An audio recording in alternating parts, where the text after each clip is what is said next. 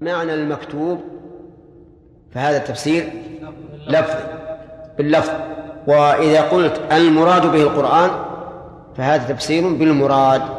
وهذا يقع كثيرا في القرآن الكريم تارة تفسر الكلمة بمرادها وتارة تفسر بما بما يوافق اشتقاقها. على كل الكتاب هنا فعال بمعنى مفعول أي مكتوب. وسمي مكتوبا لأنه مكتوب في اللوح المحفوظ. ولأنه مكتوب في المصاحف التي بين أيدينا ولأنه مكتوب بأيدي السفرة الكرام البررة. يقول أن إذا سمعتم هذه أن مصدرية ويجوز أن تكون تفسيرية لأن التنزيل يتضمن معنى القول دون حروفه. والتفسيرية هي التي تأتي مفسرة لما تضمن معنى القول دون حروفه. المنزل الآن أن إذا سمعتم آيات الله يكفر بها ويستهزأ بها فلا تقعدوا معهم.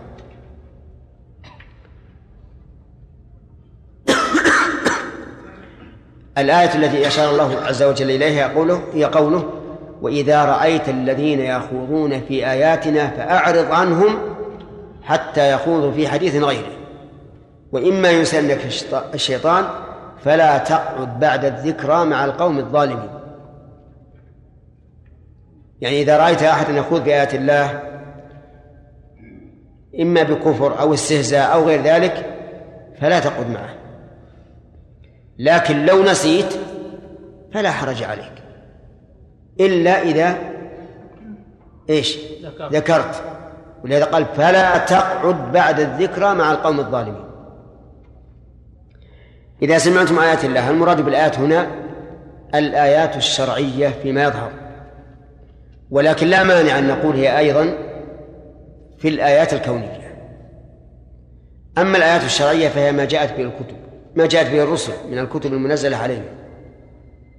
وأما الآيات الكونية فهي المخلوقات.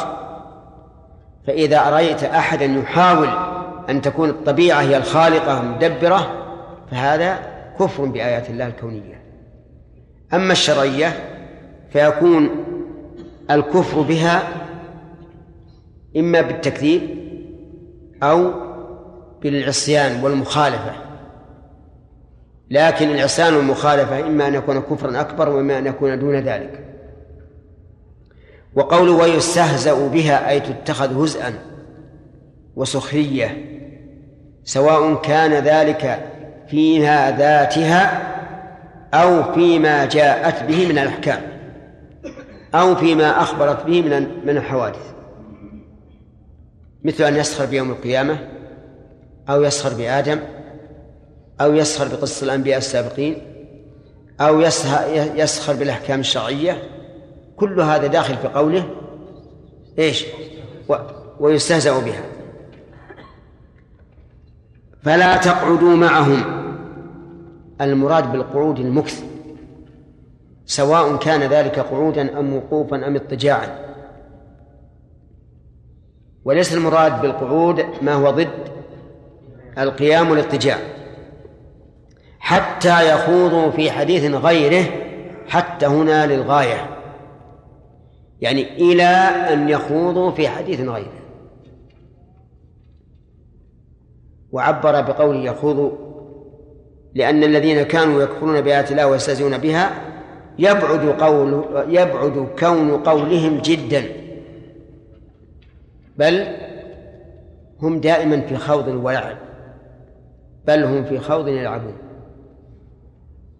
لكن مع ذلك إذا كان هذا الخوض لا يختشي الدين فلا بأس أن نبقى معهم. وحتى هنا قلت إنها للغاية فهل تأتي لغير الغاية؟ نقول نعم تأتي لغير الغاية كثيرا. تأتي للتعليل. مثل قوله تعالى هم الذين يقولون لا تنفقوا على من عند رسول الله حتى ينفضوا. هنا حتى ليش؟ لا السؤال خاص. لماذا لا تكون للغاية؟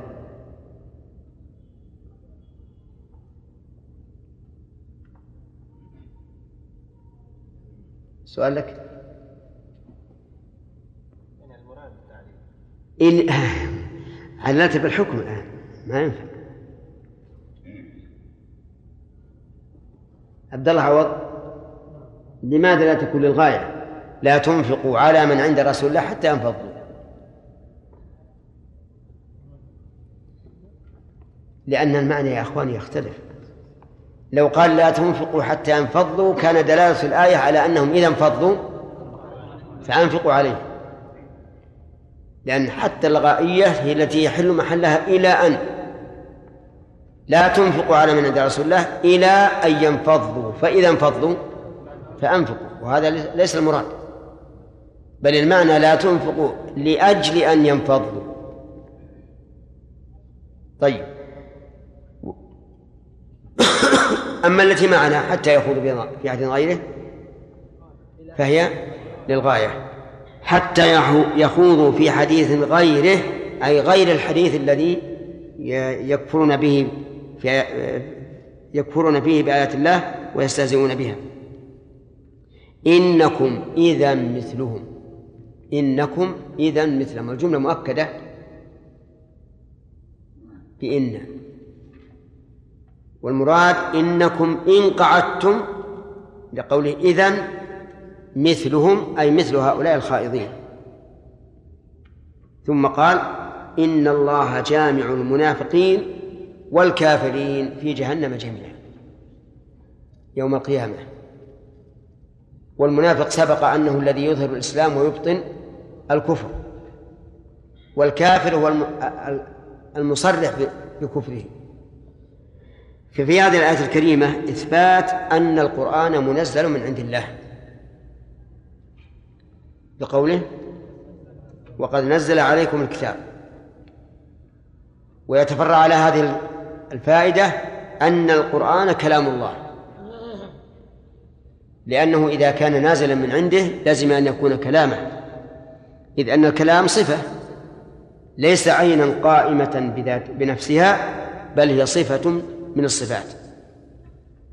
ومن ويتفرع على هذا أيضا إثبات علو الله. إثبات علو الله. لأنه إذا كان الكلام من عنده وهو نازل دل هذا على أن المتكلم به عالم. ومن فوائد الآية الكريمة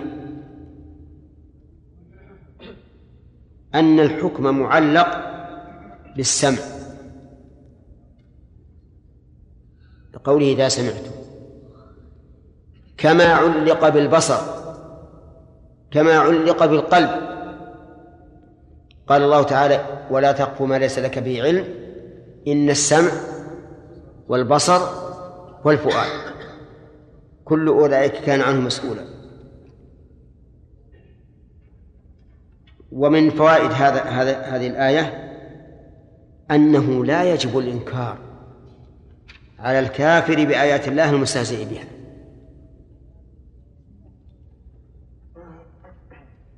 أتوافقوننا؟ نعم. نريد إحنا الآن نفسر الآية نفسها بقطع النظر عن أدلة أخرى.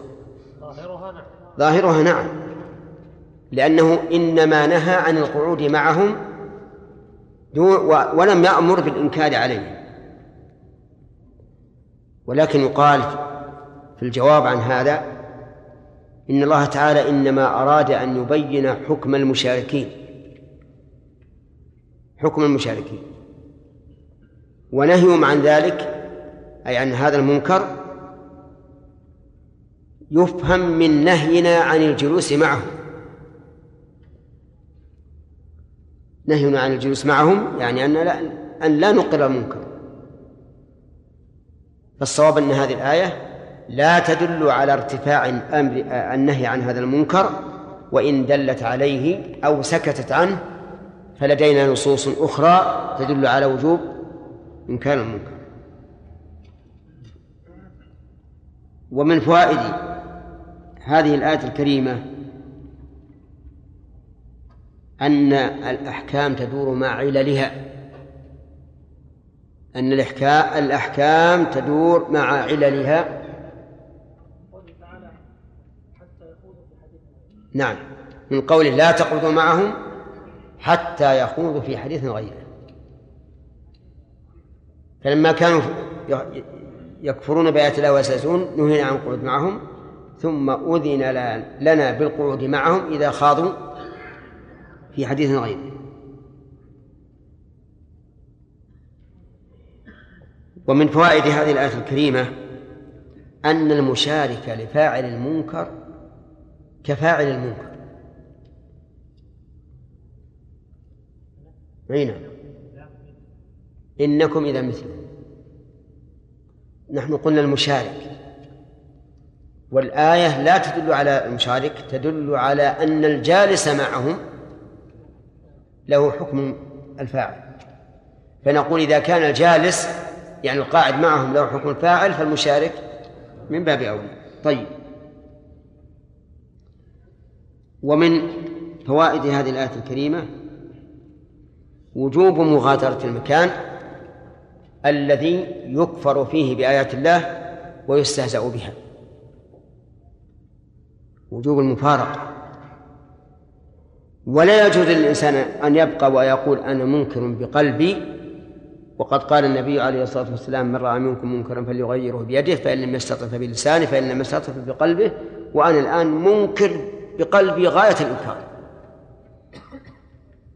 نقول لو صدقت في ذلك لقمت.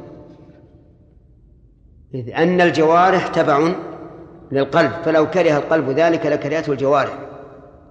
وهذا لا يغنيك لابد أن تفارق وإلا كنت مثله فإن قال قائل إذا حرموا على الإنسان الجلوس مع حالق اللحية. لأن حلق اللحية حرام. فالجواب عن ذلك أنه يجب علينا أن نغادر المكان حين نراه يحلقها بالفعل. أما وقد انتهى الفعل ولم يبقى إلا أثره فلا يلزمنا أن نغادر المكان الذي هو فيه. ومثله لو قال قائل إذا شممت رائحة الدخان في إنسان وجب عليك أن تفارقه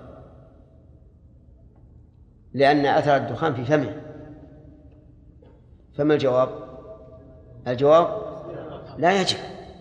نعم إذا رأيته يشرب الدخان حينئذ أنهاه فإن نفع وإلا قمت أما أثر المعصية فليس كفعل المعصية. ومن فوائد هذه الآية الكريمة تحريم التعاون على الإثم والعدوان. وجهه أنه إذا حرم القعود مع فاعل المنكر إيش؟ فالإعانة من باب أولى. مثل أن تهيئ له مكان ترشه تطيبه. نعم؟ تأتي بالأواني تصب لهم القهوة الشاي. هذا هذا حرام. من باب أولى. ومن فوائد هذا هذه الآية الكريمة أن جليس الصلحاء الذين يعملون الصالحات مثلهم من النار من قياس؟ إيه. ما اي نعم من قياس العكس. لأنه إذا وزر بالجلوس مع العصاة أجر بالجلوس مع الطائعين. وقد استعمل النبي صلى الله عليه وسلم هذا القياس بنفسه صلوات الله وسلامه عليه. لما قال وفي بضع أحدكم صدقة. يعني الإنسان إذا أتى زوجته فله صدقة. قالوا يا رسول الله يأتي أحدنا شهوته ويكون له فيها أجر؟ قال أرأيتم لو وضعها في الحرام أكان عليه وزر؟ قالوا نعم. قال كذلك إذا وضعها في الحلال كان له أجر. هذا قياس إيش؟ العكس. هذه مثلها لأن الله تعالى إذا إذا أثم القاعدين مع فاعل المنكر فإن فضله أوسع وأعظم. فيثيب القاعدين مع الصالحين وأهل الطاعة. ومن هنا يتولد فائدة وهي الحذر من جلساء السوء والترغيب في جلساء الصلاح. وهذا ما حصل من رسول الله صلى الله عليه وسلم حيث قال مثل الجليس الصالح كحامل المسك. المسك نوع من الطيب. يقال إنه يخرج من دم غزال معينة وفي ذلك يقول المتنبي يمدح أظنه سيف الدولة. يقول فإن تفق الأنام وأنت منهم فإن المسك بعض دم الغزال. فنحن نقول إن الرسول قال مثل الجليس الصالح كحامل المسك. إما أن يحذيك يعني يعطيك مجانا وإما أن يبيعك يعطيك بعوض وإما أن تجد منه رائحة طيبة. ما تفلس من جليس من الجليس الصالح. ومثل جليس الجليس السوء أو جليس السوء كنافخ الكير. إما أن يحرق ثيابك وإما أن تجد منه رائحة كريهة. أتدرون ما الكير؟ نعم. الكير عبارة عن جلد يربط بعضه ببعض ويجعل له حلقوم يدخل على ماسورة تتصل بالجمر وفي طرف الجلد هذا والجلد لين في طرفه خشبتان هكذا. تنفتحان وتنضمان. إذا إذا شده فتحهما فامتلأ الجلد هواء ثم ضمهما ودفعه. وحينئذ يكون هواء يدخل مع الماسورة على على الفحم فتشتعل النار. هذا هو الكير وكانوا يستعملونه فيما سبق أدركناهم. يقول هذا حامل الكير إما أن يحرق ثيابك. متى؟ إذا طال الشرر على الثياب وإما أن تجد منه رائحة كريهة. فيؤخذ من الآية الكريمة معنى هذا الحديث. احذر جلساء السوء وعليك بجلساء الصلاح. فإنك لن تعدم خيرا من جلساء الصلاح ولا ولن تعدم شرا من جلساء السوء. من فوائد الآية الكريمة أن النار لصنفين من العالم.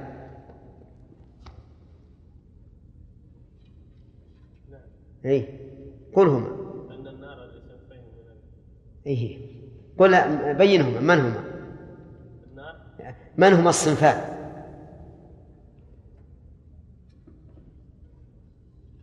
في الآية المنافقين والكافرين. يكفي.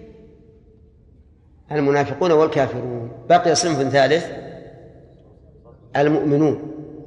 وهؤلاء الأصناف الثلاثة هم المذكورون في أول سورة البقرة.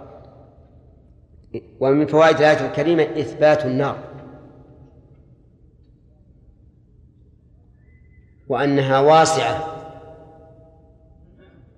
وجه ذلك جامع المنافقين والكافرين في جهنم. وجه كونها واسعة أن تسعة وتسعمائة وتسعة وتسعين من بني آدم في النار. والجن لأن جهنم من الجنة والناس أجمعين. الظاهر الجن أكثر من من بني آدم في النار. ولهذا قدموا في الآية الكريمة. ومن آه نعم. ومن فوائد الآية الكريمة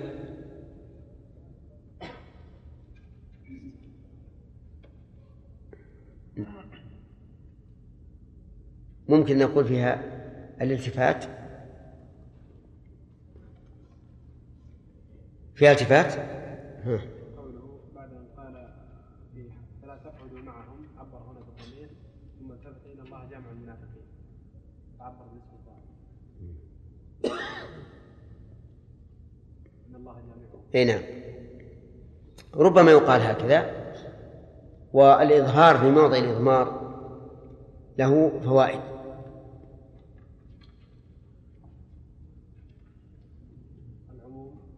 إرادة العموم. نعم. على على سبب آه، وعيد سبب ترتب هذا الحكم عليهم. وإرادة آه، بيان بيان السبب والعموم. هذه هذه واحدة والتنبيه إيه. طيب. من كان عدو الله وملائكته ورسله وجبريل وميكال فإن الله عدو للكافرين ولم يقل عدو له. مع أن هذا مقتضى السياق. لكن نبين أن من كان عدوا الله وملائكته ورسله وجبريل وميكال فهو كافر. ولينبه على سبب العداوة عداوة الله وهي الكفر. وليكون المعنى أشمل يعني فيكون عدو يكون عدوا للكافرين الذين كفروا بالمعاداة والذين كفروا بغيرها أيضا. ثم قال الله تبارك وتعالى الذين يتربصون بكم. فإن كان لكم فتح من الله قالوا ألم نكن معكم. وإن كان للكافرين نصيب قالوا ألم نستحوذ عليكم ونمنعكم من المؤمنين. فهم جماعون مناعون كذابون خداعون. انظر الذين يتربصون بكم التربص الانتظار. ومنه قوله تعالى والمطلقات يتربصن بأنفسهن أي ينتظر يتربصون بهم إيش؟ الدوائر. ينتظرون الدوائر. هل هي عليكم أو لكم؟ يقول فإن كان فإن كان لكم فتح من الله قالوا نريد من هذا الفتح. نحن معكم. لا تحرمون الغنيمة. وإن كان للكافرين نصيب ولم يقل فتح لأن ما يعطاه الكفار ليس فتحا ولكنه محنة. إن كان للكافرين نصيب قالوا أي للكافرين؟ ألم نستحوذ عليكم ونمنعكم من المؤمنين؟ لولا نحن لأهلككم المؤمنون. لكن نحن منع منعناكم منه واستحوذنا عليكم وصرنا درعا لكم. شوف كيف المنافق والعياذ بالله. إن كان النصر للمؤمنين ماذا يقولون يا الأخ. ألم نكن معكم؟ يعني فإذا كنا معكم أعطونا نصيبا أعطونا من الغنيمة. وإن كان الأمر بالعكس سمير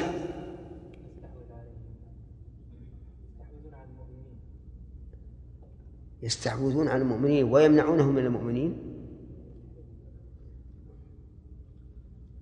نعم. ها؟ الحمد لله إذا لم نكن معهم. لا. طه. نعم. نستحوذ عليكم يعني نسيطر ونكون درعا لكم.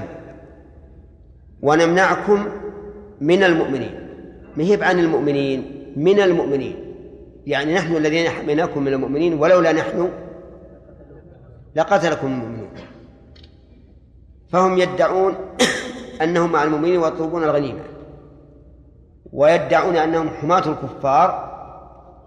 نعم من أجل أن يكونوا أولياء لهم. قال تعالى فالله يحكم بينكم يوم القيامة. ألف للتفريق واسم واسم الله الكريم مبتدأ ويحكم جملته خبر. فالله يحكم بينكم ويعني وبين هؤلاء المنافقين والكفار أيضا يوم القيامة هذه متعلق بيحكم والمراد بيوم القيامة هو يوم البعث. وسمي بذلك ساعة لأمور وهي.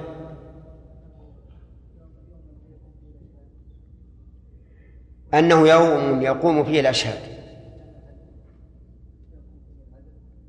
نعم. أنه يوم يقام فيه العدل. إيش؟ نعم. أحسن. فالله يحكم بينكم يوم القيامة. ولن يجعل الله للكافرين على المؤمنين سبيلا. سبحان الله. الخصم يخبر بنتيجة الحكم قبل أن يحاكم. الآن نحن الآن إن شاء الله تعالى. نحن الآن خاصمون للكفار. لأن الله تعالى يقول لن يجعل الله للكافرين على المؤمنين سبيلا. بعد أن قال فالله يحكم بينكم. أي حكم أبلغ من هذا؟ يقال للخصم حاكم وليس لخصمك عليك سبيل فحكم للخصم قبل الحكومة لأن الأمر واضح منتهي ولن يجعل الله للكافرين على المؤمنين سبيلا. نعم. آه، من فوائد الآية الكريمة بيان شدة عداوة المنافقين للمؤمنين لكونهم يتربصون بهم إيش؟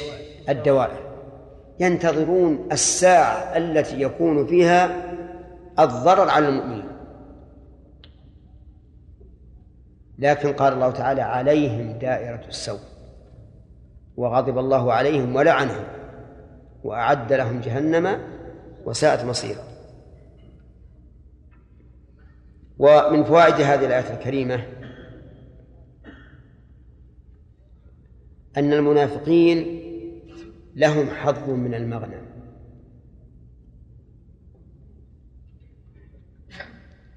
من أين يؤخذ؟ قول ألم نكن معكم؟ دل هذا على أن المنافق يعامل بالظاهر. فيعطى ما يعطاه المسلم. ومن فوائد الآية الكريمة أن المنافقين عندهم منة وفي أنوفهم أنفة.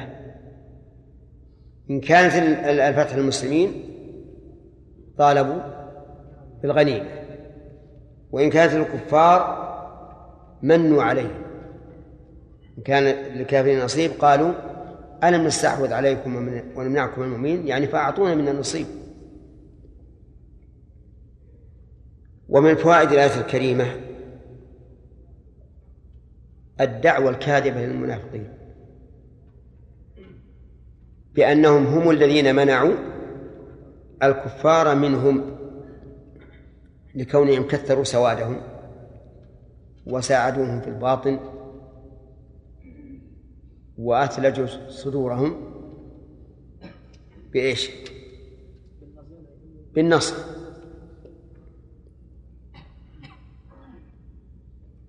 ومن فوائد الآية الكريمة إثبات الجزاء والحكم بين الناس بقوله فالله يحكم بينكم يوم القيامة.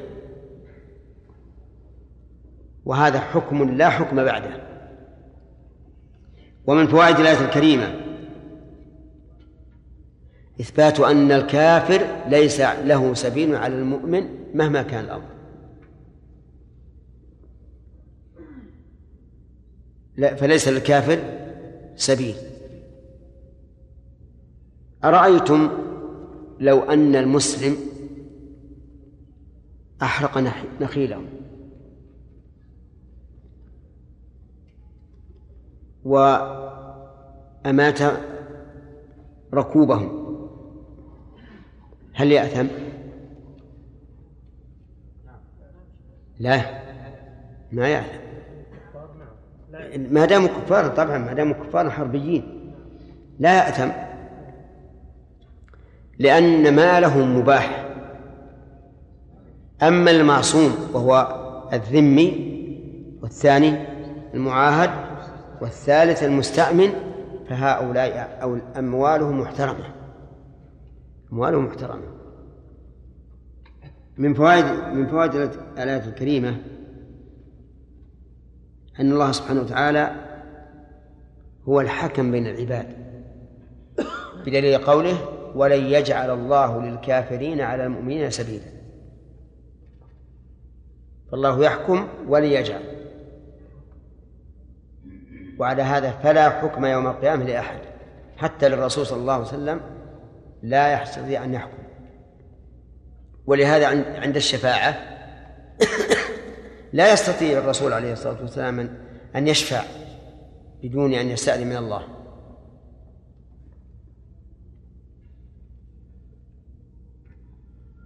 هل يستفاد من هذا من هذه الآية الكريمة أن المخ... أن المحاكمة بين الكفار والمؤمنين في الدنيا قد يكون فيها الحق للكافر؟ قد يكون وجهه نعم. أن أن الله نفى أن يكون له سبيل في يوم القيامة. أما في غير يوم القيامة فالناس كلهم تحت العدالة. نعم. شيخ بارك الله فيكم. ما فهمت وجه الفائدة في الدعوة الكاذبة للمنافقين؟ نعم. دعواهم أنهم كثروا سب الكفار وما أشبه ذلك. بأنهم إيش؟ كثروا سواد الكافرين ومنعوهم من المؤمنين. إي نعم نعم.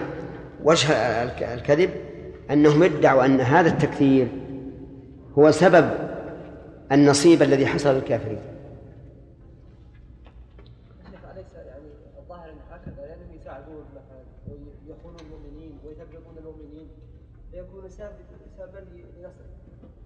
يعني لكن هل هذا هو اللي حصل هذا هو نفسه اللي اللي, اللي به انتصر آه، صار له نصيب؟ الأسباب إيه من الأسباب. لكن مو مو ليس كل شيء.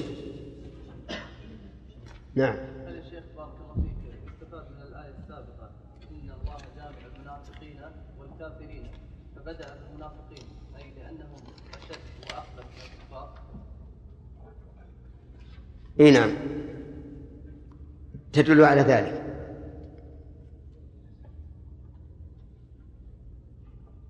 وجميع الآيات اللي فيها الجمع بين المنافقين والكفار يقدم الله فيها المنافقين ليعذب الله المنافقين والمنافقات والمشركين والمشركات إلا في حال واحدة أو في آية واحدة لسبب وهو قوله يا أيها النبي جاهد الكفار والمنافقين وذلك لأن جهاد الكفار بالس- بالسلاح علنا جهاد المنافقين بالعلم والبيان ول- وليس بالقتال من أين؟ نعم إيه. نعم إحنا قلنا آه، في نفس التفسير إن الحكم يدور مع العلة نعم شيخ اذا كان يعلم الانسان ان المجلس سوف يقع فيه استهزاء بايات الله عز وجل هل يذهب حتى يقع الاستهزاء أو يمتنع قبل؟ نعم. إذا علم أن هذا المجلس سيكون فيه استهزاء أو كفر فإننا ننظر. إذا كان يستطيع أن يغير ذلك وجب عليه الحضور. وإذا كان لا يستطيع حرم عليه الحضور. لأن كونه يحضر ثم يخرج زيادة عناء وربما يحدث شرا وفتنة. آدم الله سبحانه وتعالى لازم يكفر بها ويستهزأ بها قد يقول قائل يا شيخ استهزاء بالآيات ليس كفر لا لكن آه الخوض نوعان الكفر الصريح والاستهزاء. يا عبد الله الله بن عوض عندك القراءة؟ أعوذ بالله من الشيطان الرجيم. المنافقين يخادعون الله وهو خادعهم وإذا قاموا إلى الصلاة قاموا كسالى يراءون الناس ولا يذكرون الله إلا قليلا. مذبذبين بين ذلك لا إله هؤلاء ولا ومن يضلل الله فلن تجد له سبيلا. يا أيها الذين آمنوا لا تتخذوا الكافرين أولياء من دون المؤمنين. أتريدون أن تجعلوا لله عليكم سلطانا مبينا. أحسنت. بارك الله فيك. أظن قبل هذا. ها؟ وقفنا على ذا وأخذنا الفوائد. أعوذ بالله من الشيطان الرجيم. قال الله تبارك وتعالى الذين يتربصون بكم ما معنى التربص؟ الانتظار. يعني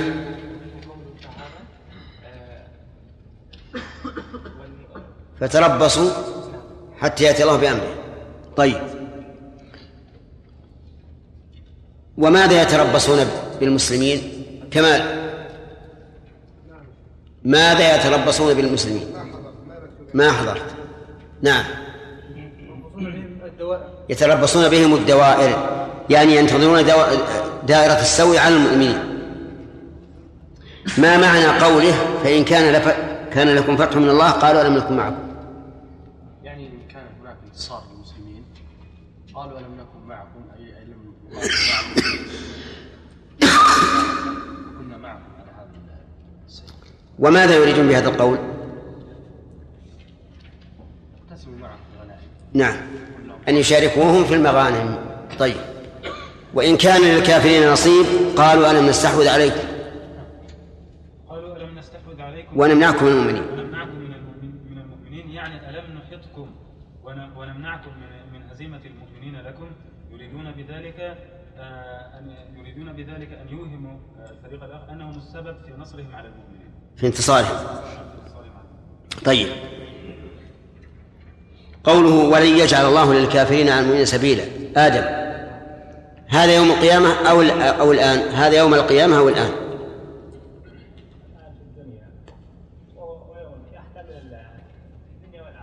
ها. يحتمل قولين؟ أي يعني معنيين؟ اقرأ الآية عشان تعرف السياق. قبل قبله. قبلها. اقرأ ما قبل هذه الجملة.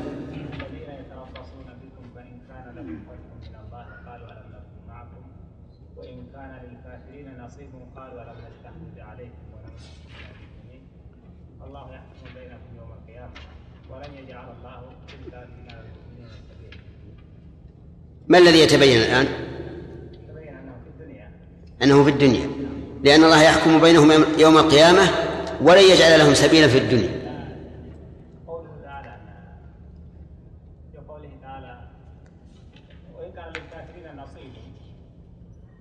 لكن فالله يحكم بينكم يوم القيامة ولن يجعل الله للكافرين على المؤمنين سبيلا. ها؟ هذا يوم القيامة. لأنه قال فالله يحكم ثم قال ليس للكافرين سبيلا على المؤمنين. فيكون هذا في يوم القيامة. لكن من العلماء من من جعل حكمها عاما كما أسلفنا لكم وبينا الفوائد في هذه الآية. ثم قال الله تبارك وتعالى إن المنافقين يخادعون الله وهو خادعهم. الجملة مؤكدة بإن.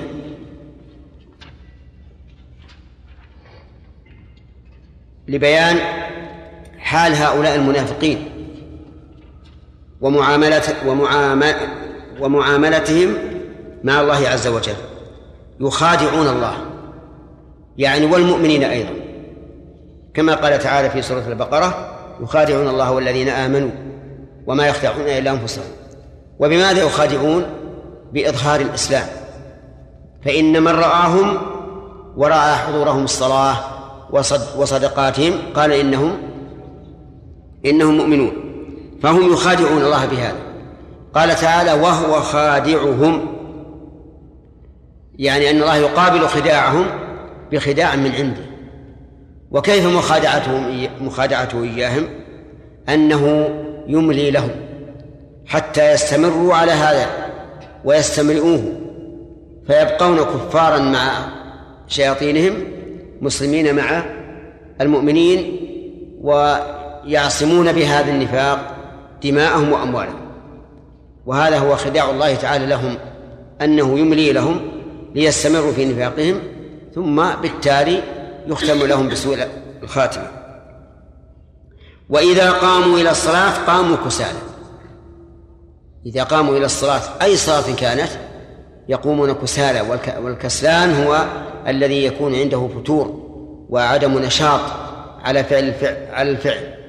فهم إذا قاموا قاموا كسالى تجدهم يتثاقلون الوضوء يتثاقلون الذهاب إلى المسجد يتثاقلون الصلاة نفسها. وذلك لعدم رغبتهم في الصلاة. ووجه هذا أن من كان راغبا في الشيء فلا بد أن يقوم إليه نشيطا. يراؤون الناس يعني مع كونهم يقومون كسالى لا يخلصون في قيامهم وإنما يراؤون الناس أي يظهروا أنفسهم بهذا المظهر ليراهم الناس فيقولوا إنهم مسلمون. ولا يذكرون الله إلا قليلا. لا يذكرون الله يعني لا يصلون أو لا يذكرون الله في صلاتهم. الثاني يعني حتى إذا صلوا لا يذكرون الله إلا قليلا. والمراد لا يذكرونه بألسنتهم وجوارحهم وقلوبهم إلا قليلا. فلا يذكرون الله بألسنتهم لأنهم لا يأتون بالواجب من تكبير وتسبيح وتحيات وغيرها. وكذلك لا يذكرون الله بأفعالهم فلا يطمئنون في الصلاة ينقرونها كنقل الغراب لأنها ثقيلة عليهم وهم لا يأتونها من رابع. ولا يذكرون الله بقلوبهم لأن قلوبهم ساهية غافلة يؤدون الصلاة كأداء المكينة. بدون أن يشعروا بأنهم بأنهم يناجون الله عز وجل. إذن لا يذكرون الله في الصلاة إلا قليلا يعني بالقلب واللسان والجوارح. في هذه الآية الكريمة آه، إثبات خداع المنافقين وأنهم قوم أهل خداع ومكر. ولهذا كان من صفات المنافقين أنهم إذا عاهدوا غدروا وإذا خاصموا فجروا وإذا حدثوا كذبوا وإذا وعدوا أخلفوا. لأن كل هذا يتضمن الخداع. ومن فوائدها الآية الكريمة إثبات الخداع لله عز وجل أي أنه جل وعلا يخدع من يخادعه. لقوله تعالى وهو خادعهم. وهل الخداع صفة ذم أو صفة مدح. في ذلك تفصيل. إن كان في مقابلة من يخادع فهو صفة مدح لأنه يدل على قوة المخادع. وأن عدوه لن يمكر به لأنه أشد مكرا من عدوه وأشد خداعا.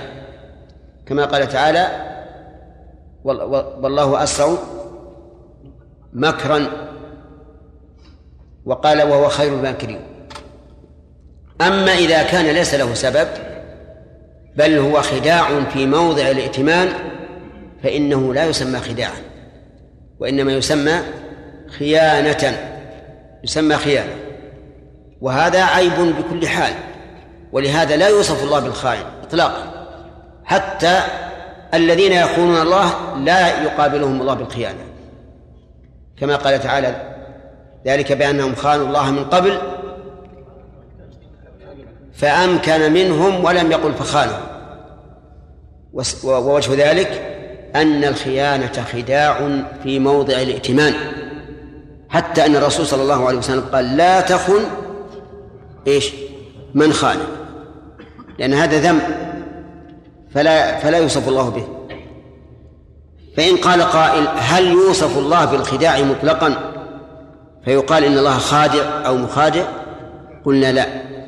لا يوصف إلا في مقابلة خداع أعدائه وكذلك المكر والكيد والاستهزاء ونحوها من, من ونحوها من الصفات التي تكون مدحا في حال دون حال فإنه لا يجوز لا يجوز أن يوصف الله بها على سبيل الإطلاق. وعلى هذا فنقول المعاني والأوصاف إما أن تكون كمالا محضا فهذا يوصف الله به. وإما أن تكون ذما ونقصا محضا. فهذا لا يوصف الله به مطلقا. وإما أن يكون مدحا في حال وذما في حال فهذا يوصف الله به حين يكون مدحا ولا يوصف به حين يكون ذما. وعلى هذا لو أحد لو أن أحدا وصف الله بالعجز لقلنا هذا حرام. بكل حال لأن العجز إيش؟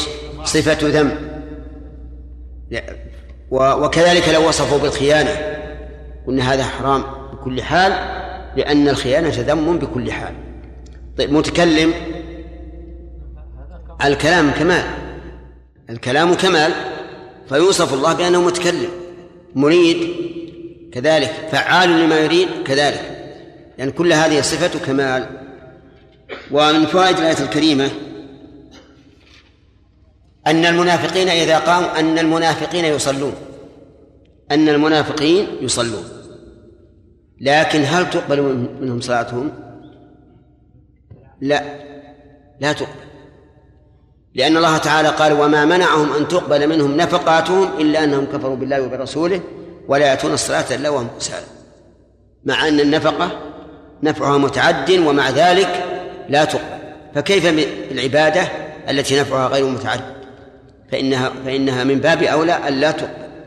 فصلاتهم لا تقبل. لكن هم يصلون. يصلون مراءة للناس. ومن فوائد هذه الآية الكريمة أنهم إذا أدوا الصلاة مراءة يؤدونها إيش؟ بكسل. بكسل وبرودة وعدم نشاط.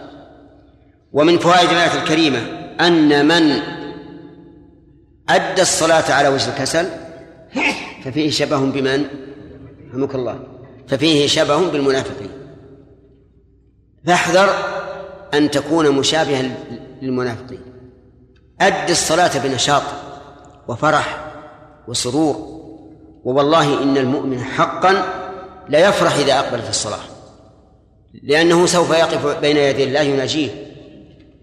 وإذا كان الواحد منا يفرح أنه سيلاقي صديقه أو خليله ويعد لذلك العدة فما بالك بإيش؟ بملاقاة الله عز وجل ومناجاته. ولهذا إذا رأيت من نفسك كسل كسلا في الصلاة فاتهم نفسك. فأنت بلا شك منافق مشابه للمنافقين في هذه الخصلة لكن اتهم نفسك. عدل مسيرتك مسيرتك إلى الله عز وجل. لا تتهاون. لأن ربما يكون عندك تهاون الآن تهاون بسيط لكن يزداد. حتى تكون الصلاة عندك أثقل شيء. ومن فوائد هذه الآية الكريمة أن من راى الناس بعمله الصالح ففيه شبه من ممن من المنافقين. والرياء بابه واسع. ليس في الصلاة أو النفقة أو الصوم والحج لا أوسع من هذا. حتى الإنسان لو أنه لبس ثيابا رثة ليظهر للناس بمظهر الزاهد فهو إيش؟ فهو مرائي ولذلك لا تظن أن الرياء يختص بالعبادات المحضة. قد يكون في أي شيء. كل شيء تظهر للناس أنك تتقرب به إلى الله ليراك الناس فإنه رياء والعياذ بالله. رياء محبط للعمل. رياء محبط للعمل. لأن الله يقول في في الحديث القدسي أنا أغنى الشركاء عن الشرك. من عمل عملا أشرك فيه معي غيري تركته وشركه. فالله غني عنه. نحن المضطرون إليه وهو في غنى كامل عنه. فإذا أشركنا بالله نعوذ بالله من الشرك إذا أشركنا به أحدا فإنه لن يقبله منا. هو أغنى الشركاء عن الشرك. ومن فوائد هذا هذا هذه الآية الكريمة التحذير من مراعاة الناس. تراعي الناس ليه؟ الناس ينفعونك؟ لا. ولا يضرونك. إنما الذي ينفعك ويضرك هو الله عز وجل. وما بكم من نعمة فمن الله ثم إذا مسكم الضر فإليه تأجرون. لا تهتم بالناس. مدحوك أو قدحوا فيك. أهم شيء أن تنظر إلى رضا الله عز وجل. أبعد بعدا تاما عن الرياء. ولكن هنا مسألة وهو أن الشيطان يأتي الإنسان فيقول إن صليت فقد رأيت. وإن حسنت صلاتك فقد رأيت. وهو بعيد من هذا.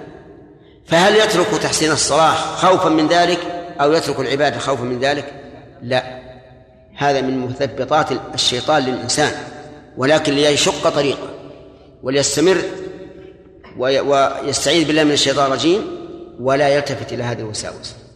لأن الشيطان يتمنى أن لا نعبد الله لأنه عصى الله فيريد أن يعصى الناس ربهم أيضا. فلا تترك العبادة من أجل الرياء.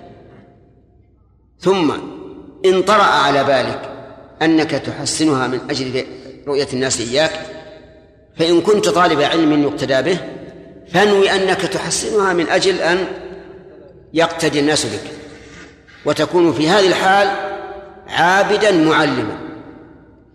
فإن الرسول صلى الله عليه وسلم كان إذا أتاه وفد يطلب منه أن أن يبين له كيفية الصلاة يقول صل معنا وكان يصعد على المنبر حين بني له يقوم يصلي عليه ويقول فعلت هذا لتأتموا بي ولتعلموا صلاتي وبهذا تطرد الشيطان تطرد الشيطان عنه. ومن فوائد هذه الآية الكريمة أن ذكر الله تعالى عند المنافقين قليل. قليل.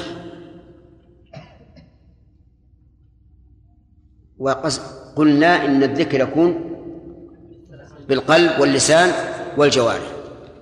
فهم لا يذكرون الله إلا قليلا حتى في الجوارح الظاهرة التي تظهر للناس لا يذكرون الله إلا قليلا. ومن فوائدها أنك إذا رأيت من نفسك قلة في ذكر الله فإن فيك شبها بمن؟ بالمنافقين. ولهذا وصف الله المؤمنين أولي الألباب بأنهم يذكرون الله قياما وقعودا وعلى جنوبهم وما يضرك إذا ذكرت الله؟ هل اللسان يتعب؟ ليس هناك عضو كاللسان في عدم التعب. فإذا كان كذلك فأكثر من ذكر الله. ويروى عن النبي صلى الله عليه وعلى آله وسلم انه أن رجلا اتاه فقال يا رسول الله إن شرائع الاسلام قد كثرت علي. يعني وقد كبرت. فقال له الرسول عليه الصلاة والسلام لا يزال لسانك رطبا من ذكر الله. يعني آدم ذكر الله. ومن فوائد الآية الكريمة أيضا أن أن المنافقين يذكرون الله. لكن إيش؟ لكن ذكرهم قليل. ثم قال تعالى مذبذبين بين ذلك لا إلى هؤلاء ولا إلى هؤلاء. مذبذبين أي مرددين. يرددهم الشيطان. مرة هنا ومرة هنا. مذبذبين بين هؤلاء مذبذبين بين ذلك.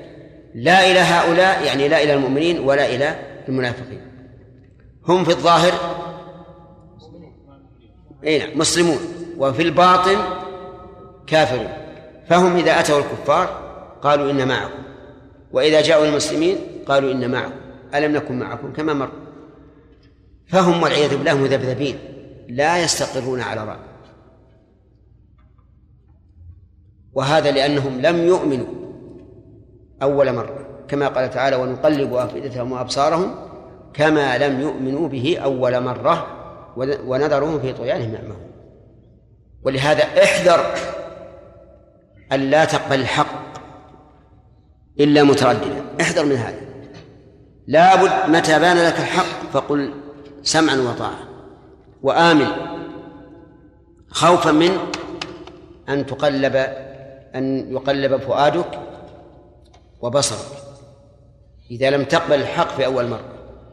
ومن هذا أو قريب منه ما يفعله بعض الناس الآن إذا قلت إن الرسول أمر بكذا أو إن الله أمر بكذا قال هل الأمر الوجوب؟ هل الأمر الوجوب؟ كأنه يقول إذا لم يكن الوجوب فلن أفعل. وهذا غلط. إذا سمعت الله يأمر أو الرسول يأمر قل سمعنا وأطعنا سواء كان للاستحباب أو للوجوب. وإنما يسأل عن واجب أو مستحب إذا ضيع الإنسان هذا الأمر وتركه. حينئذ لا حرج عليه أن يقول هل هو واجب فأقضيه فأقضيه أو غير واجب فلا آثم بعدم القضاء. أما قبل أن أن تفعل فإن تمام العبودية أن تقول سمعنا وأطعنا ثم إن كان واجبا فقد حصلت على ثواب الواجب وإبراء الذمة وإن لم يكن واجبا حصلت على خير وثواب. فلن تندم لكن الندم أن تتردد تقول هل هو واجب أو لا. ولا أعلم أن الصحابة رضي الله عنهم سألوا الرسول عليه الصلاة والسلام حين يأمرهم أواجب ذلك أم أم سنة؟ إلا في قضية واحدة في قصة بريرة. فإن الرسول لما أمرها أن تبقى مع زوجها مغيث قالت إن كنت تأمرني فسمعا وطاعة. ولم تقل إن كنت تأمرني على سبيل الوجوب. إن كنت تأمرني فسمعا وطاعة وإن كنت تشير علي فلا حاجة لي فيه. وكانت بريرة عتقت وإذا عتقت الزوجة تخير بين بقاء بين البقاء مع زوجها وفسخ النكاح. فلما عتقت خيرها الرسول عليه الصلاة والسلام. قال إن شئت بقيت مع الزوج وإن شئت افسخ النكاح. فاختارت الفسخ. اختارت الفسخ. وإنما خيرها الشارع لأنها الآن ملكت نفسها ملكا تاما. وكانت حين العقد مملوكة لا تصرف لها في نفسها. أما الآن فقد تحررت ولهذا جعل لها الخيار. فاختارت الفسخ اختارت نفسها. فكان زوجها يلاحقها في أسواق المدينة يبكي يريد أن أن ترجع. فكان الرسول عليه الصلاة والسلام يتعجب. ويقول ألا تعجبون من حب مغيث لبريرة وبغض بريرة لمغيث؟ وهذا حق أن نعجب لأن العادة أن القلوب شواهد كما يقولون. تتبادل البغضاء والمحبة لكن هذه سبحان الله أبت كم رأت ثابت بن قيس المشهود له بالجنة؟ جاءت للرسول عليه الصلاة والسلام تطلب المخالعة وقالت إني لا أعيب عليه في خلق ولا دين لكن أكره الكفر في الإسلام. حتى أمره الرسول صلى الله عليه وسلم أن يخالعها وترد عليه حديقته. وهذا من العجب. المهم آه، أن أن أننا نقول إن الإنسان إننا لم لا نعلم أن الصحابة راجعوا الرسول عليه الصلاة والسلام في قول في أمره وقالوا هل هو على سبيل الإلزام يا رسول الله أو على سبيل التطوع؟ أبدا. فلتكن ك... فلتكن ك... كالصحابة. كن سمعنا وأطعنا. واحمد الله أن الله عز وجل شرع لك هذا هذا الأمر. احمد الله أن الله شرعه. لأنه لولا أن الله شرعه لك لكان قيامك به بدعة. لا يزيدك إلا ضلالا وبعدا من الله. يقول لا إلى هؤلاء ولا لهؤلاء مذبذبين. ومن يضلل الله فلن تجد له سبيلا. الجملة هذه شرطية وفيها إشكال وهي أن من الشرطية حسب ما نعرف تجزم الفعل. وإشكال آخر أن الفعل لا لا يلحقه الكسر يعني لا يكون مجرورا. وهنا مكسور. فهذان إشكالان نعم يحيى. يحيى اثنين. على نمط واحد. واحد كل واحد يحل المسألة يلا يحيى الراعي ها. كسر. يعني هو مجزوم لكن كسر. كسرة عارضة. التقاء الساكنين. طيب والإشكال الثاني؟ لا ما هو نفسه. هل هل الجر يدخل الفعل؟ ها. أجل لماذا الكسرة؟ يعني ليست كسرة إعراب. نعم وإنما للتخلص من التقاء الساكنين أما الجواب فهو قوله فلن تجد له سبيلا. يعني أي إنسان يكتب الله سبحانه وتعالى ضلاله فلن نعم فلن تجد له سبيلا إلى الهداية. سبيلا يعني طريقا.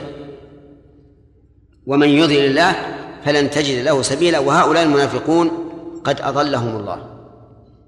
فلن تجد لهدايتهم سبيلا والعياذ بالله. ولكن ربما يمن الله على بعضهم فيهتدي. كما قال تعالى قل أب الله وآياته ورسوله كنتم تستهزئون لا تعتذروا قد كفرتم بعد إيمانكم إن نعفو عن طائفة منكم نعذب طائفة. من فوائد هذا هذا الحديث من فوائد هذه الآية أن حال المنافقين التردد بين الكفر والإيمان. لكن الحكم عليهم أنهم إيش؟ كفار. الحكم عليهم في الآخرة أنهم كفار. أما في الدنيا فعلى ظواهرهم لأن الأحكام في الدنيا على الظواهر.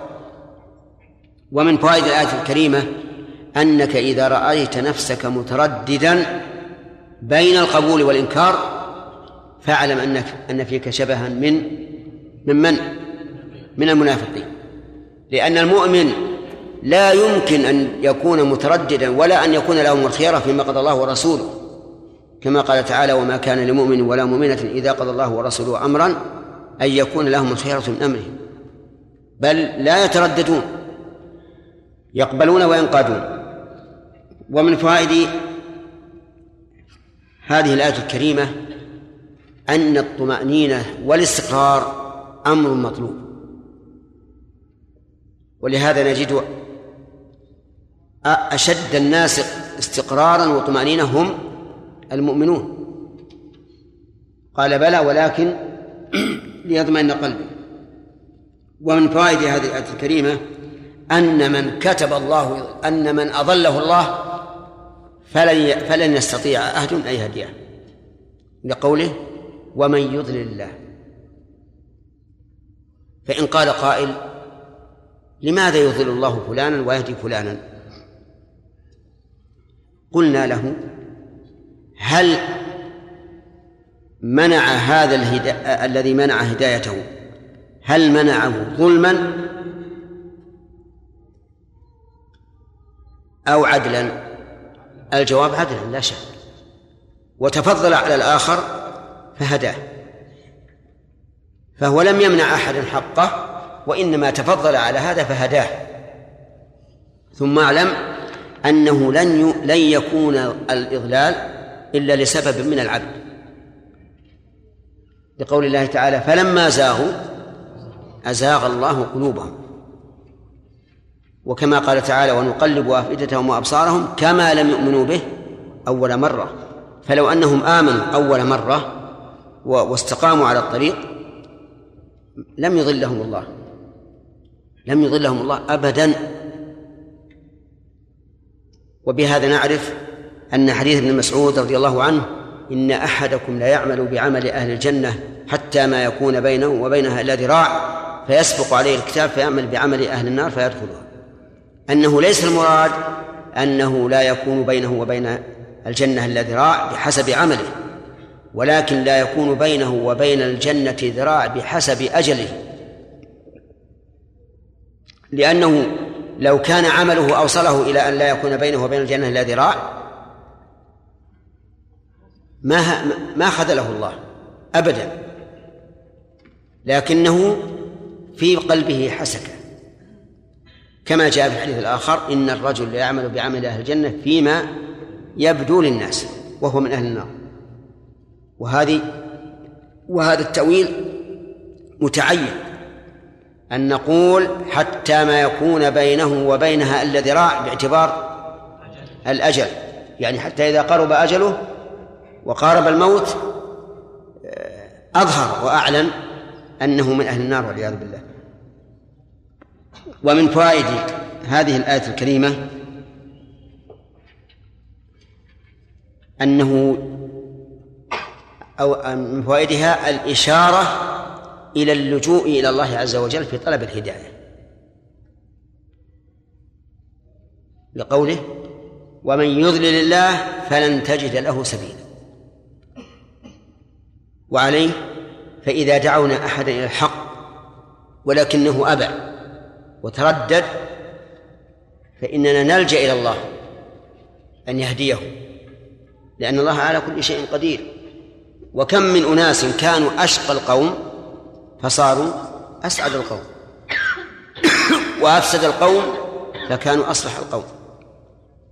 وما عمر بن الخطاب الرجل الثاني من أتباع الرسول عليه الصلاة والسلام ما أمره ببعيد. خالد بن الوليد. عكرمة بن أبي جهل. وش حالهم في أحد؟ عجيب. كفار معادون للإسلام يريدون القضاء على أهل الإسلام. يريدون قتل الرسول عليه الصلاة والسلام وقتل الصحابة.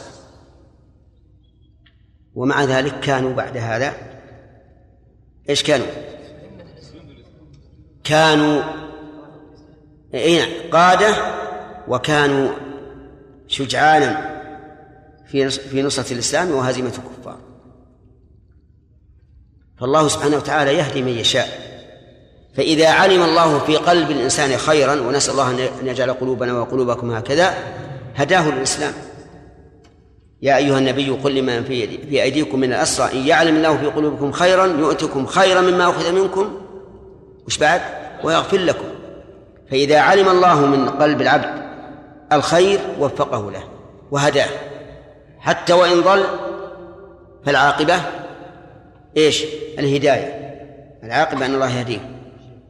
ومن يضل الله فلن تجد له سبيلا. سبيلا هذه نكرة في سياق. في سياق النفي. فلن تجد له نصيرا فتعم كل سبيل. لا يمكن أن يكون سبيل لمن أراد الله ضلاله. نسأل الله أن يهدينا وإياكم صراطا مستقيم وأن يصلح قلوبنا وأعمالنا. نعم. أشكل علي هذا. الله تبارك وتعالى هو كان بالإخلاص والمحبة. نعم. ولا يذكرون إلا قليلا. ومع أن في المنافقين ليس قطرة من محبة ولا نعم. نعم. ربما ينقدح في, في, في قلوبهم بعض الشيء. أما ذكر اللسان والجوارح ما في إشكال. ذكرهم ذكرهم الله باللسان والجوارح ما في إشكال. ما في إشكال. لكن ذكر الله بالقلوب وهو الذي قلنا أنه يكون بالقلب. قد ينقدح في ذهنه هذا. ولهذا قال آمنوا ثم ذلك بأنهم آمنوا ثم كفروا. نعم هل المنافق يزوج من المؤمنات وذلك بالمعروف؟ من علم نفاقه فلا. من علم نفاقه. ظاهرا. لكن إذا علمنا نفاقه نعرف هذا الرجل يذهب منا من عند. مجالس الذكر يروح إلى إلى إلى إلى, إلى الكفرة والفسقة وي... ويكون معهم ولهذا من علم نفاقه وجب قتله. وهل تقبل توبته أو لا على خلاف بين العلماء. والصحيح أنها تقبل. لكن الرسول عليه الصلاة والسلام يعلم بعض المنافقين يعلمه علما يقينا يقينا لكنه لم يقتله خوفا من التنفير عن الإسلام. ولهذا قال لا يتحدث الناس أن محمدا يقتل أصحابه. وهذه نقطة يجب التفطن لها. إن أننا إذا علمنا نفاق شخص وجب أن نجري عليه أحكام الردة وجب أن نجري عليه أحكام الردة ولا نقل كما قال الرسول صلى الله عليه وسلم. أما النبي عليه الصلاة والسلام فإن فإن له أن يمتنع من قتلهم لهذه الفائدة العظيمة. شيخ بارك الله فيكم من المعلوم أن باب الأفعال أوسع باب الأوصاف. فما هو الضابط في الأوصاف التي تطلق على الله عز وجل من الأفعال؟ نعم. كل فعل يطلق عليه. كل فعل يطلق عليه من صفته اذا ما صدقت العباره هنا هذه هذه. باب الافعال اوسع معلوم باب الأفعال. كل فعل يشتق يشتق منه صفة. كل فعل فإنه يشتق منه صفة. فإذا قال يسته ي... ي... ي... الله يستهزئ بهم فيها إثبات صفة الاستهزاء. هل نقول الله مستهزئ بمن يستهزئ؟ نعم يصح. طيب شيخ صفة اللعن مثلا. نعم. اللعن. هل نقول إن الله اللاعن لعن. نعم نقول لا يلعن ونقول إنه لاعن من يستحق اللعنة. ونقول إن, إن لعنة الله على من يستحق اللعنة. إذا باب الافعال مثل باب الاوصاف هو أصلها الفعل مشتق من, من من الصفة. ضرب مشتق منين؟ هذه. نعم. يرتبين بين ذلك المشار إليه ما؟ بين ذلك فسرها بقوله. أي بين ذلك الحال. وهي أنهم تارة مع المنافقين مع الكفار وتارة مع المؤمنين. نعم. شيخ بارك الله فيكم. يعني لو قال قائل إنه ينبغي لنا معرفة ال- الخطاب من الله عز وجل ومن رسوله هل يقتضي الوجوب أو يقتضي ما دون ذلك الاستحباب والجواز؟ لأنه لأننا حتى نشدد على أنفسنا في الواجبات ويعني قد نتسامح فيما دونها. وأما الصحابة فلفهومهم ولمعرفتهم باللغة العربية كانوا يعلمون أن هذا يقتضي الوجوب و. لا، الأوامر بين أيدينا. الأوامر بين أيدينا. لا المهم أنك أول مرة لا تسأل. وكما قلت لكم إذا وقع الشيء إذا وقعت المخالفة فلا بأس بالبحث. لا بأس بالبحث. أو إذا صار فيه مثل نوع مشقة فلا بأس بالبحث لأ- لأجل أن يسقط عن الإنسان. أما من أول ما نقول له افعل كذا الرسول أمر بكذا هل هو الوجوب ولا الاستحباب؟ هذا لا شك فيه تردد. شيخ بالنسبة لطلبة العلم شيخ تنصحهم بأن يسألوا هذه الأسئلة لأنهم ربما يذهبون إلى عوام ويسألون. نعم. إذا لم يسألوا يعني العلماء في هذا أنا أخبرك عن نفسي. أقول هذا منهي عنه. وإذا قال هو للتحريم أقول هذا منهي عنه. بس. كذلك دائما يلحون على على الإنسان. يلحون عليه. هو حرام. أقول نهى عنه الرسول. أو نهى الله عنه. وأنا ما أنا مكلف. إذا كنت سامعا مطيعا حقا اجتنب. نعم. شيخ قوله تعالى فلن تجد له سبيلا. الفاعل يا شيخ هو تقديره أنت عائد على النبي صلى الله عليه وسلم على نحن ذكرنا قاعدة في هذا. قلنا الخطاب الموجه من الله إما أن يقوم الدليل على أنه عام للرسول ولغيره أو أنه خاص بالرسول أو لا ليس هناك دليل لا في هذا ولا في هذا. فقد اختلف العلماء هل يشمل الأمة أو لا. والصحيح أنه يشمل الأمة إما ب... إما عن طريق اللفظ أو عن طريق الحكم. نعم. ذكر الشيخ ابن القيم الجزئيه إيش؟ نعم. ذكر في إيش؟ في كتابه اشكال عليه نعم. يقول باب الهداية والضلال نعم. يقول إن الله يهدي من كان محله قابل للهداية. نعم. ويضل من كان محله غير قابل للهداية. نعم صحيح. ماذا يقصد في محله؟ يعني القلب. يعني كان من محلا قابلا للهداية. ويضل من كان محلا قابلا للضلال. وهذا كقوله الله أعلم حيث يجعل رسالته استدل يا شيخ في حديث ان الله ان الله سبحانه وتعالى لما خلق آدم قبض قبضه من الأرض آه، فجاء بنو آدم على قدر الأرض ومنهم الخبيث ومنهم الحزن صحيح. يعني يخلق شيخ خبيث أو نعم. أي نعم لا قد تكون طبيعته من, من, من أصل أنه يكره الإسلام يكره الأوامر وما أشبهه نعم. نعم. يلا خذ الله. أعوذ بالله من الشيطان الرجيم. يا الذين آمنوا لا تتخذوا الكافرين أولياء من دون المؤمنين. أتريدون أن تجعلوا لله عليكم سلطانا مبينا. إن المنافقين في الدرك الأسفل من النار ولن تجد لهم نصيرا.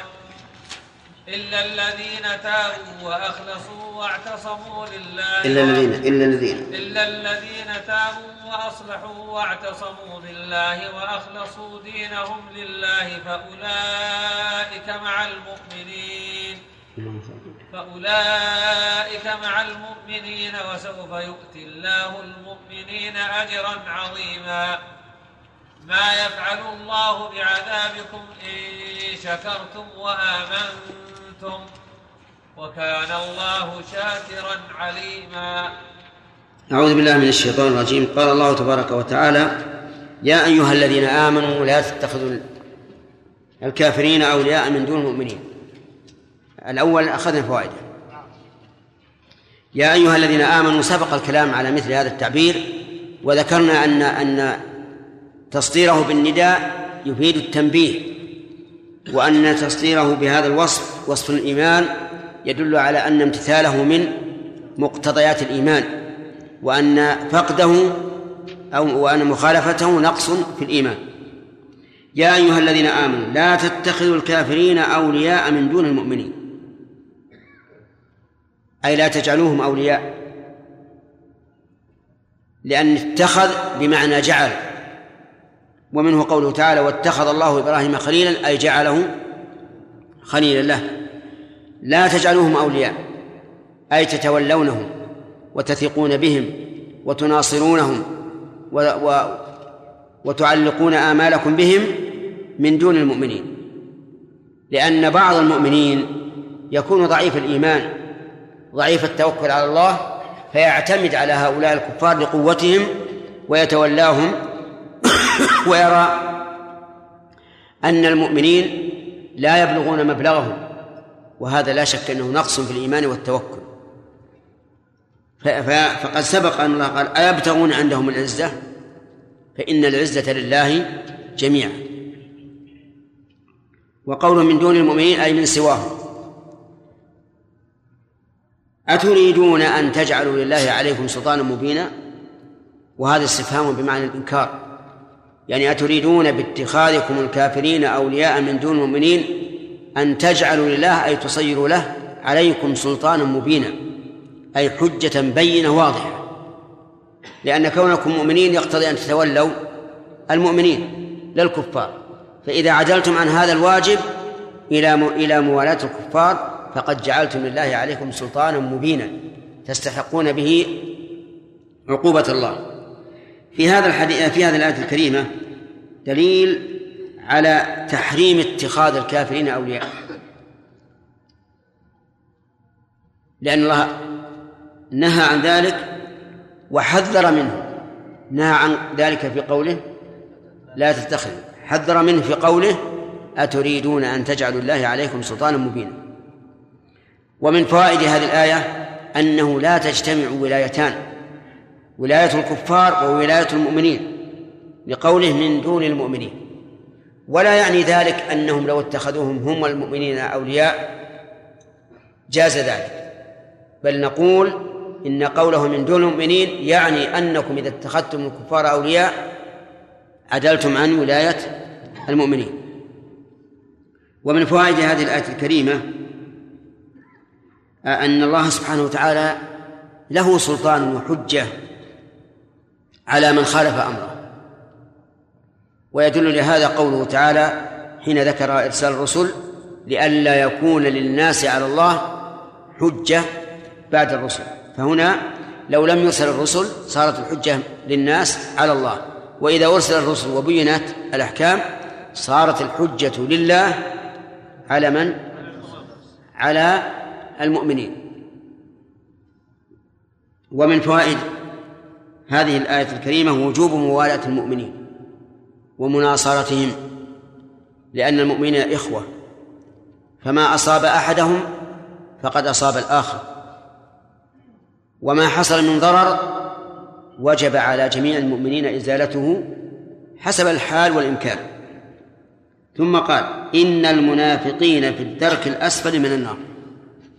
وصلة هذه الآية بالتي قبلها هو أن الذين يتخذون الكافرين أولياء من دون المؤمنين يشبهون المنافقين. والمنافقون هم الذين اتخذوا الكافرين أولياء من دون المؤمنين فمن اتخذهم فقد شابه المنافقين. والمنافقون ليس لهم حظ في الآخرة إطلاقا لأنهم في الدرك الأسفل من النار. حلول فيه يحلون فيه ولا يخرجون منه. والدرك بمعنى المكان الأسفل الذي ليس دونه شيء الأسفل من النار. ولا يعني هذا أن غيرهم لا يكون فيه لكن هم فيه يقينا. وأما غيرهم فيحتمل أن يكونوا فيه وأن يكونوا فيما فوقه. ولن تجد لهم نصيرا. لن تجد. الخطاب لمن؟ إما للرسول صلى الله عليه وعلى آله وسلم وإما لكل من يصح توجيه الخطاب إليه. وعندي قراءة في الدرك في الدرك. يعني فتح الراء بدلا عن سكونها وهي قراءة سرية في الدرك الأسفل من النار ولن تجد لهم نصيرا. أي لن تجد لهم من يمنع العذاب عنهم وينصرهم في هذا في هذه الحال. في هذا الحديث في هذه الآية الكريمة دليل على أن المنافقين من أهل النار.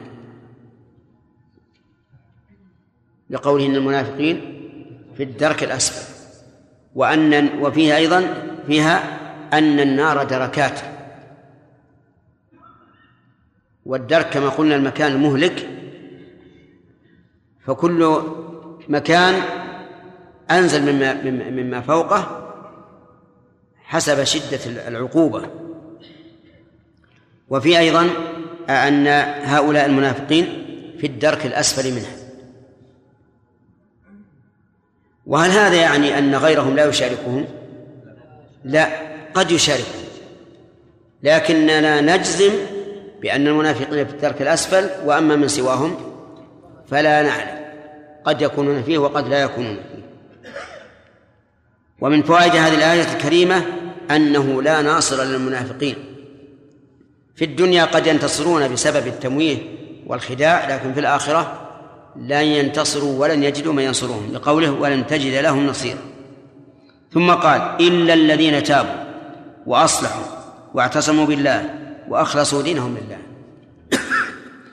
إلا الذين تابوا من النفاق أي رجعوا من النفاق إلى خالص الإيمان وصريح الإيمان وأصلحوا أي أعمالهم.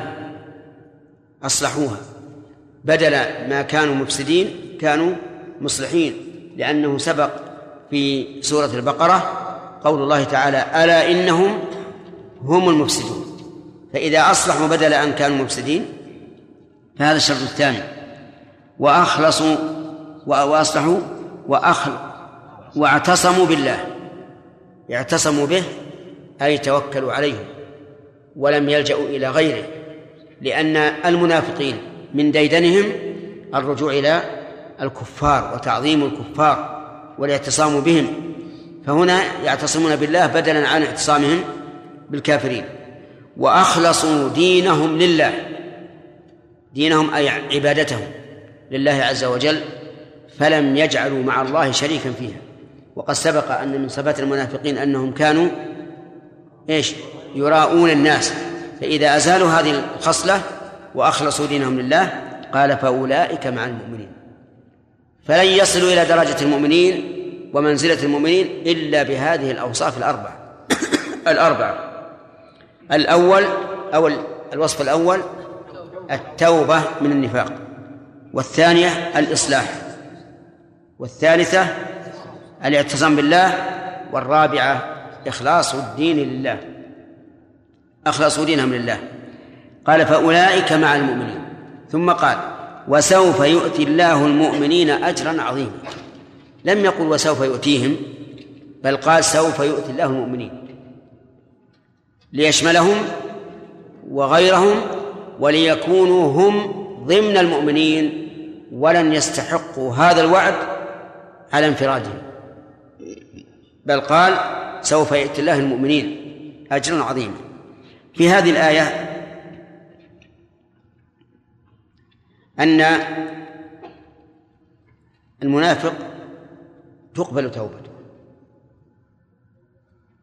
لكن لن يكون مع المؤمنين حتى يتصف بالصفات الأربع وهذه المسألة اختلف فيها العلماء رحمهم الله. فقال بعض العلماء لن تقبل توبة المنافق لأنه لم يبدو منه إلا الإسلام.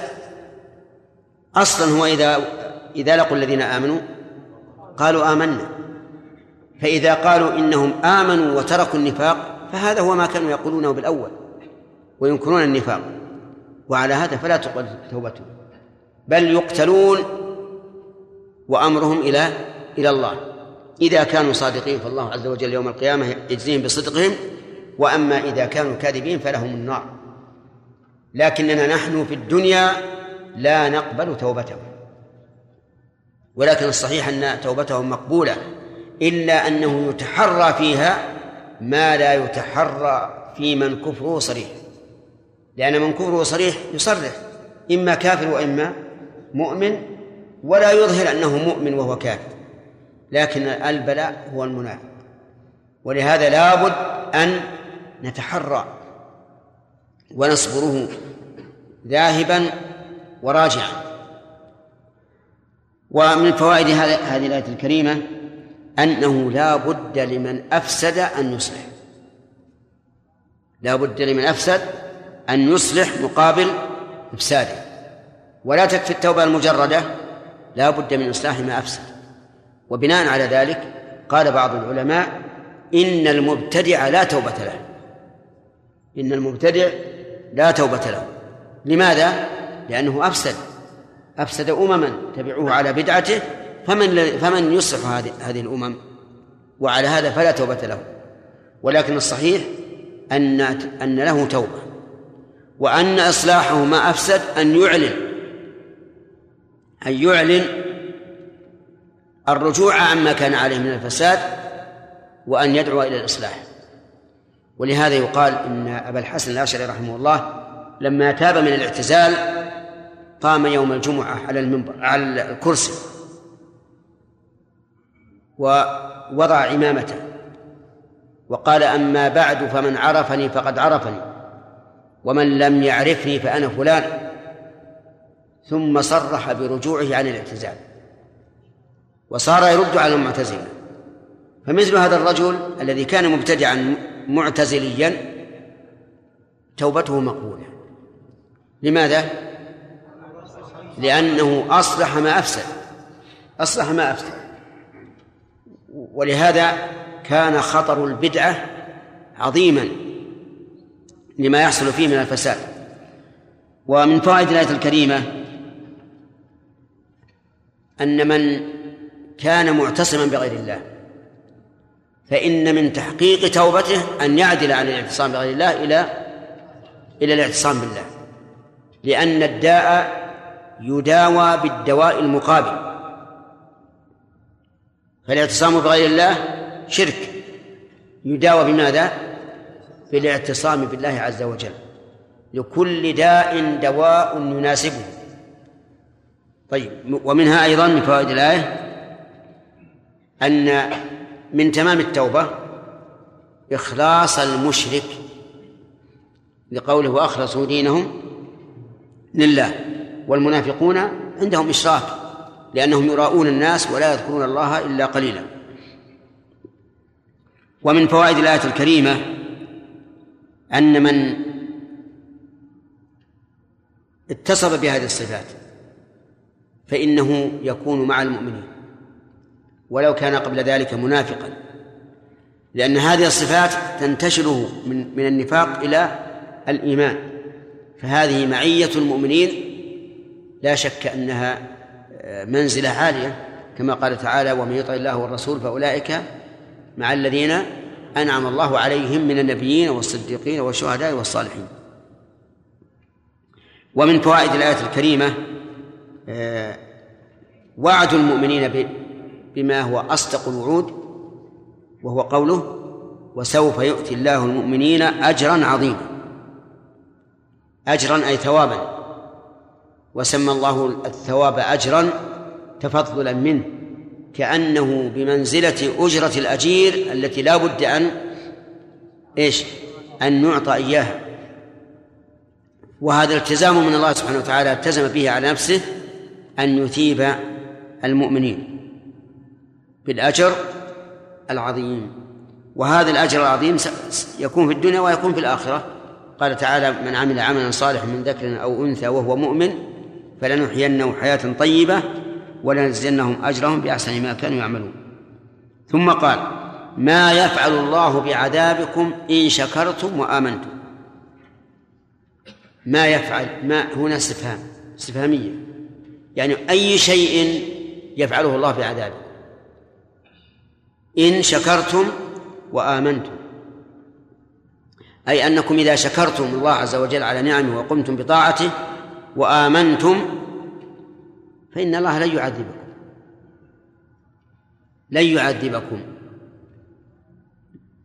لأنكم لا تستحقون العذاب حسب وعده. فما فأي شيء يفعله الله بكم إذا قمتم بشكره والإيمان به؟ وكان الله شاكرا عليما.